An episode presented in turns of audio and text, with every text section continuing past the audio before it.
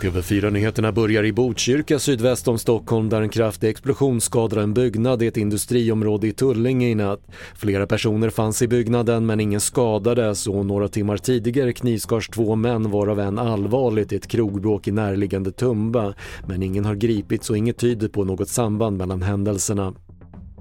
Ukrainas president Volodymyr Zelensky tackar i ett tal Tyskland och USA efter beskeden att länderna skickar stridsvagnar till Ukraina. Zelensky säger vidare att ju mer stöd Ukraina får från världen desto snabbare kommer Rysslands aggression att upphöra. USAs förre president Donald Trump kommer att släppas in på Facebook och Instagram igen. Det meddelar ägarna Meta som portade ex-presidenten dagen efter attacken mot den amerikanska kongressen 6 januari 2021. Och Sverige är vidare i handbolls-VM efter kvartsfinalseger över Egypten igår med 26-22. Däremot har storstjärnan Jim Gottfridsson spelat färdigt efter en handfraktur och han missar semifinalen imorgon då Sverige möter Frankrike. Fler nyheter på TV4.se. Jag heter Patrik Lindström.